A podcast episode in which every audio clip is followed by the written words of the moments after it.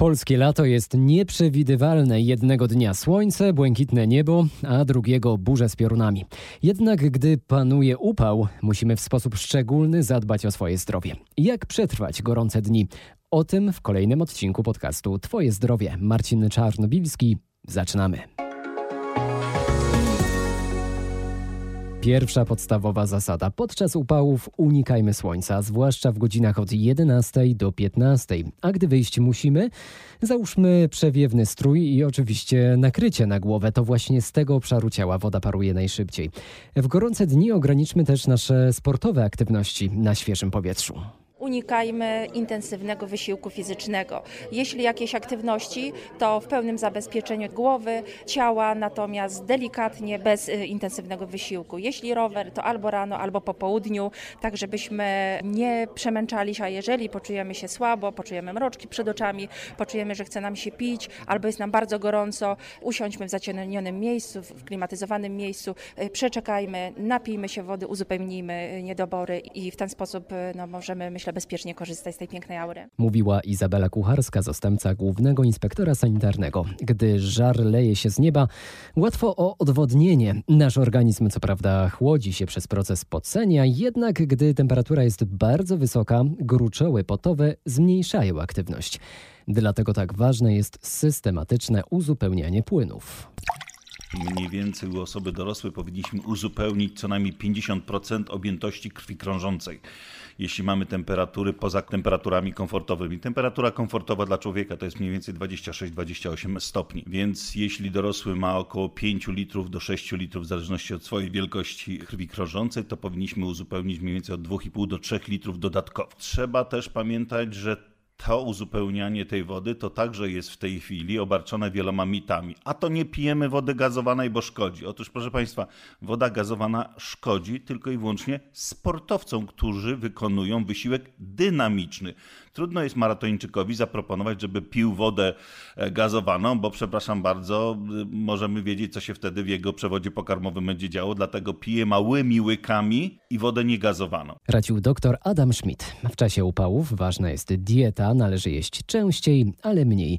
Dobrze jest sięgać po warzywa, owoce, ewentualnie trochę nabiału i pieczywa. Na czarnej liście niestety znajdują się lody, które jedynie na krótką chwilę nas chłodzą.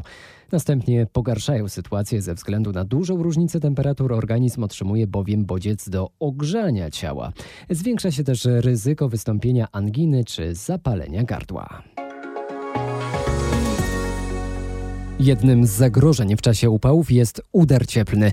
Jak dochodzi do przegrzania organizmu? O tym z internistą, doktorem Sebastianem Kwiatkiem rozmawiała reporterka RMFFM Anna Kropaczek. Mówi się czasami o tym, że można doznać udaru cieplnego. Co to właściwie jest? W jaki sposób e, się e, coś takiego objawia? Udar cieplny jest to mm, zespół zjawisk, e, które zachodzą na skutek, no krótko mówiąc kolokwialnie, przegrzania, czyli mm, długiej ekspozycji, nadmiernej ekspozycji na ciepło. Faktycznie obserwujemy w trakcie fali upałów nadmierne to, to zjawisko i dużą ilość pacjentów, którzy trafiają z powodu objawów przegrzania oraz objawów udaru cieplnego.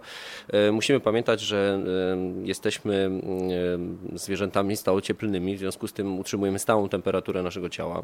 E, w momencie, kiedy dochodzi do przegrzania e, organizmu, uruchamia się kaskada różnego rodzaju reakcji w organizmie, które mają za zadanie mm, wyrównać tą temperaturę i utrzymać stałą temperaturę ciała.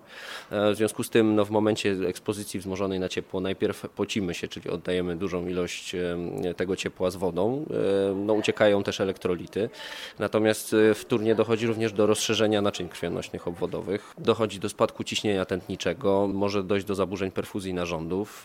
Jeżeli ta ekspozycja jest długa, temperatury są wysokie, wysokie, to w tym momencie może dojść nawet do stanu zagrożenia życia, do zaburzeń świadomości, do zaburzeń neurologicznych różnego rodzaju. Oczywiście te mechanizmy wyrównawcze, które w organizmie funkcjonują, one się po pewnym czasie wyczerpują. No i w tym momencie obserwujemy stan zagrożenia życia. Tacy pacjenci mogą nawet w ciężkim stanie trafiać y, do szpitala i będą wymagać no, już specjalistycznej opieki lekarskiej.